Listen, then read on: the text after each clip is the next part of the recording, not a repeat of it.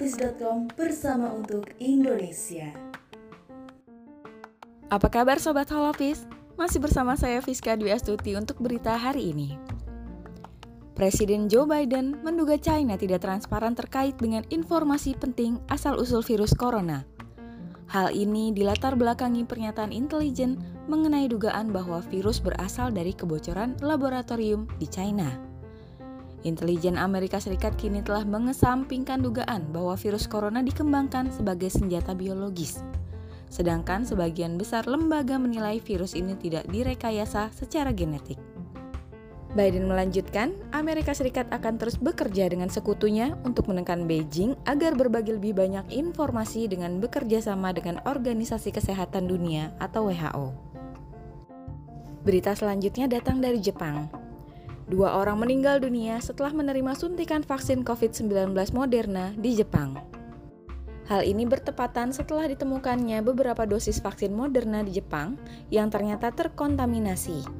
Demikian dikatakan oleh Kementerian Kesehatan Jepang pada hari Sabtu, 28 Agustus 2021. Dua pria berusia 30-an tersebut meninggal pada bulan ini setelah menerima suntikan kedua vaksin Moderna. Demikian dikatakan Kementerian Jepang pada sebuah pernyataan. Masing-masing korban menerima suntikan dari manufaktur yang ternyata bermasalah dan dihentikan sementara pada hari Kamis 26 Agustus lalu. Penyebab kematian dua pria tersebut saat ini masih diinvestigasi. Diketahui, Jepang menahan pendistribusian vaksin Moderna sebanyak 1,63 juta dosis yang akan dikirimkan ke 863 pusat vaksinasi di seluruh negara. Penghentian itu dilakukan seminggu setelah distributor domestik Takeda Pharmaceutical menerima laporan terkait dosis yang terkontaminasi. Berita selanjutnya datang dari Sumatera, di mana lima orang warga Kecamatan Kabanjahe Kabupaten Karo, Provinsi Sumatera Utara meninggal dunia akibat bencana tanah longsor Kamis malam 26 Agustus 2021. PLT Kepala Pusat Data Informasi dan Komunikasi Kebencanaan BNPB Abdul Muhari menjelaskan, bencana tersebut selain mengakibatkan korban jiwa juga merusak sejumlah bangunan. Dari lima warga meninggal dunia, tercatat empat orang alami luka-luka, tujuh rumah rusak berat. Keempat korban luka-luka tersebut kemudian telah dievakuasi dan dirawat di RSUD Kabanjahe. Sedangkan kelima korban meninggal sudah berhasil dievakuasi dan diserahkan kepada pihak keluarga. Sementara itu, insiden banjir lahar hujan yang terjadi di Desa Sukatendel, Kecamatan Tiganderket, Kabupaten Karo, tidak menimbulkan korban jiwa. Banjir lahar hujan tersebut membawa material vulkanik Gunung Sinabung. BPBD menginformasikan bahwa tanah longsor dan banjir lahar hujan di dua kecamatan dipicu oleh intensitas hujan tinggi selama beberapa hari. Demikian rangkuman berita untuk hari ini. Saya Fiska Dwi Astuti melaporkan untuk holopis.com bersama untuk Indonesia. holopis.com bersama untuk Indonesia. Ada kabar dari dunia internasional buat kalian sobat holopis di mana pun uh, kalian berada bahwa Amerika Serikat baru saja telah melakukan serangan operasi balas dendam terhadap kelompok ISIS Khorasan yang ada di Afghanistan. Serangan ini merupakan buntut dari bom bunuh diri yang kabarnya dilakukan oleh kelompok ISIS di sekitar Kabul, Afghanistan yang menewaskan sekitar 13 orang tentara Amerika Serikat. Dilansir dari Sky News, juru bicara Komando Pusat Amerika Serikat, Kapten Bill Urban mengatakan bahwa pasukan militer Amerika Serikat melakukan operasi kontra terorisme over the horizon pada hari ini terhadap seorang perencana ISIS Khorasan. Meski demikian, belum diketahui apakah anggota Islamic State yang dibunuh oleh Amerika Serikat pada hari ini memiliki andil dalam serangan bom bunuh diri di Kabul kemarin. Perlu diketahui buat sobat Olopis uh, di mana pun kalian berada bahwa pada aksi serangan bom bunuh diri yang dilakukan di luar bandara Kabul pada hari Kamis kemarin, ISIS mengkonfirmasi bahwa mereka yang bertanggung jawab. Dalam serangan tersebut, sekitar 160 warga Afghanistan, harus tewas dan 13 orang Amer tentara Amerika Serikat juga ikut terbunuh. Wow, ngeri sekali ya. Berita selanjutnya datang dari dunia sepak bola nasional bahwa pertandingan perdana Liga 1 alhamdulillah sukses digelar. Pembukaan BRI Liga 1 2021-2022 yang digelar di Stadion Utama Gelora Bung Karno pada hari Jumat eh, semalam eh, sukses digelar dengan pertandingan perdana antara Bali United melawan Persik Kediri. Sebelumnya, Sobat Olopis, kompetisi Liga 1 sempat vakum hingga 18 bulan ya akibat akibat dari adanya pandemi Covid-19. Namun kerinduan para pecinta sepak bola nasional untuk melihat kompetisi Liga 1 ini akhirnya terbalaskan uh, pada pertandingan perdana pada malam hari ini. Laga Bali United versus Persik Kediri semalam uh, menuai skor 1-0 dengan gol yang dicetak oleh Muhammad Rahmat pada menit ke-83. Kemudian selanjutnya pada laga BRI Liga 1 2021-2022 yang berlanjut pada hari Sabtu hari ini akan menyajikan laga pertandingan antara Persipura melawan Persita. Prosesi pembukaan berlangsung sangat sederhana dengan sebuah penyerahan bola secara simbolik karena batasan-batasan yang telah disepakati antara penyelenggara dengan aparat keamanan untuk mencegah penularan COVID-19. Di mana dalam prosesi ini Menteri BUMN yakni Pak Erick Thohir memberikan bola kepada Muhammad Iriawan selaku Ketua PSSI. Lalu kemudian bola disampaikan e, diberikan kepada wasit dari Pak Iriawan. E, wasit ini bernama Yudi Nur Cahya. Hadir dalam e, pembukaan semalam, yakni koordinator pemberlakuan pembatasan kegiatan masyarakat atau PPKM Jawa Bali yang juga sekaligus Menteri Koordinator Maritim dan Investasi Pak Lut Bisar Panjaitan. Kemudian ada juga Pak Menpora Zain, Zainuddin Amali Kemudian hadir juga Pak Menkes Budi Gunadi Sadikin, ada datang juga tadi Pak Erick Thohir, kemudian Pak Kapolri juga hadir Pak Listio Sigit Prabowo dan juga Ketua BNPB Pak Ganif Warsito. Holopis.com bersama untuk Indonesia. Halo Sobat Holopis, apa kabar?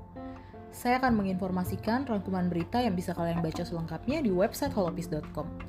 Berita pertama datang dari Indonesia yang kembali nih menambah koleksi medali dari ajang Paralimpiade Tokyo 2020.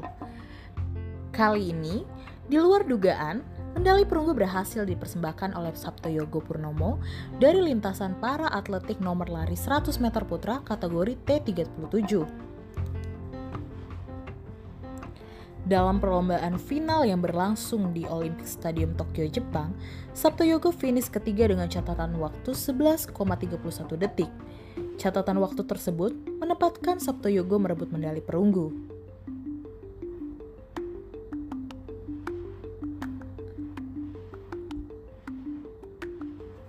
Pelatih Sabto Yogo Selamat Widodo juga mengapresiasi keberhasilan Sabto Yogo merebut medali perunggu. Berita selanjutnya datang dari Wakil Presiden Mahruf Amin. Pemerintah berharap agar seluruh umat beragama bisa tetap menjaga kerukunan dalam bermasyarakat. Wakil Presiden Mahruf Amin mengklaim jika dari dasar kerukunan umat beragama telah dilakukan, niscaya kerukunan nasional dapat diraih di negara Indonesia. Mahruf juga memberikan contoh terowongan silaturahmi antara Masjid Istiqlal dengan Gereja Katedral yang saran makna mendalam. Bukan hanya sebuah lambang atau penghubung antar tempat ibadah, namun merupakan simbol saling menghormati antar pemeluk agama. Dengan adanya terowongan ini, diharapkan kemudian dapat jadi inspirasi bagi seluruh masyarakat Indonesia dengan berbagai agama yang dianutnya untuk saling menghormati dan menjalin kerukunan dengan sesama. Berita selanjutnya datang dari juru bicara vaksinasi COVID-19 Kementerian Kesehatan, Dr. Siti Nadia Tarmiji. Dr. Nadia menyampaikan bahwa vaksin Nusantara dapat diakses oleh masyarakat dalam bentuk pelayanan berbasis penelitian secara terbatas. Hal tersebut disampaikan Siti Nadia untuk menanggapi ramainya pemberitaan terkait vaksin Nusantara. Penelitian tersebut berdasarkan nota kesepahaman atau MOU antara Kementerian Kesehatan bersama dengan Badan Pengawas Obat dan Makanan atau BPOM dan TNI Angkatan Darat pada April lalu terkait dengan penelitian berbasis pelayanan menggunakan sel dendritik untuk meningkatkan imunitas terhadap virus SARS-CoV-2. Selain itu, Dr. Nadia juga menegaskan bahwa vaksin Nusantara tidak dapat dikomersialkan lantaran autologus atau bersifat individual. Demikian rangkuman berita dari saya, Selfie Anggriani. Holopis.com bersama untuk Indonesia. Welcome back Sobat Holopis Kembali bersama saya Ronald Stefan ya Yang akan membacakan seperti biasa Berita-berita yang ada di Holopis dalam program Cabi Baca berita tentunya ya di edisi kali ini saya akan menghadirkan beberapa uh, berita yang kita sudah posting di website kami. Di antaranya adalah pertama dari berita politik ini ya, di mana Demokrat dan PKS diminta fokus jadi oposisi. Di dalam pemberitaan tersebut, Direktur Political and Public Policy Studies, Jerry Messi, melihat bahwa di dalam roda pemerintahan perlu ada kelompok yang memposisikan diri sebagai check and balance. Kelompok tersebut jangan sampai berada di dalam roda kekuasaan di negara demokrasi seperti Indonesia. Oleh karena itu, Jerry menyampaikan bahwa pasca bergabungnya Partai Amanat Nasional ke Koalisi Indonesia Maju pemerintahan Presiden Joko Widodo dan Wapres Maruf Amin, dua partai besar yakni Demokrat dan PKS jangan sampai ikut merengek meminta jabatan. Sebagai penyeimbang, sebaiknya Partai Demokrat dan PKS tetap oposisi ya tentunya. Dan berita selengkapnya tentu Anda bisa saksikan di website kami di www.holopis.com. Lanjut ke berita internasional, di mana Badan Siber Cina bakal habisi akun media dan media sosial ataupun bakal habisi akun media sosial bodong ya, akun fake itu istilahnya kalau di Indonesia. Di beritanya, pemerintah RRC bakal melakukan aksi sapu bersih terhadap akun-akun fake atau akun sosial bodong yang melakukan keresahan terhadap pemerintah. Upaya ini dilakukan pemerintah Cina karena beberapa kali ditemukan adanya akun-akun bodong menyiapkan informasi keuangan secara ilegal.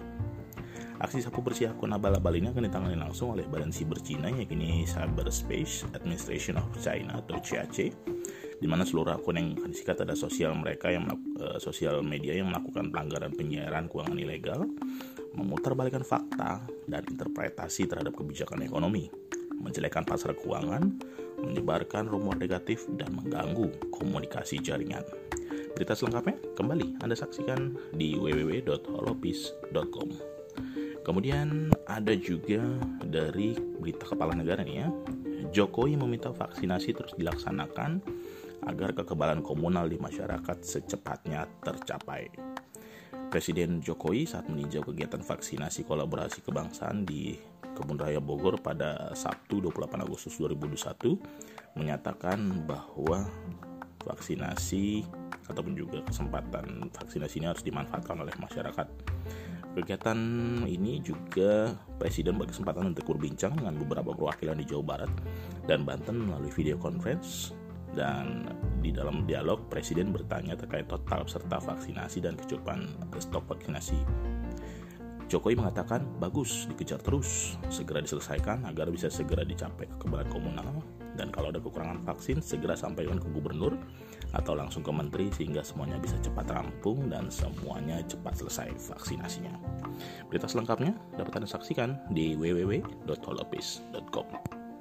Kemudian kita beralih ke daerah Sumatera Utara, di mana ini ada berita bencana ya, lima orang penduduk Kabupaten Tanah Karo meninggal akibat bencana tanah longsor di mana lima orang warga tersebut merupakan kecamatan Kabanjae, Kabupaten Karo, Provinsi Sumatera Utara yang meninggal akibat bencana longsor pada Kamis 26 eh, Agustus lalu.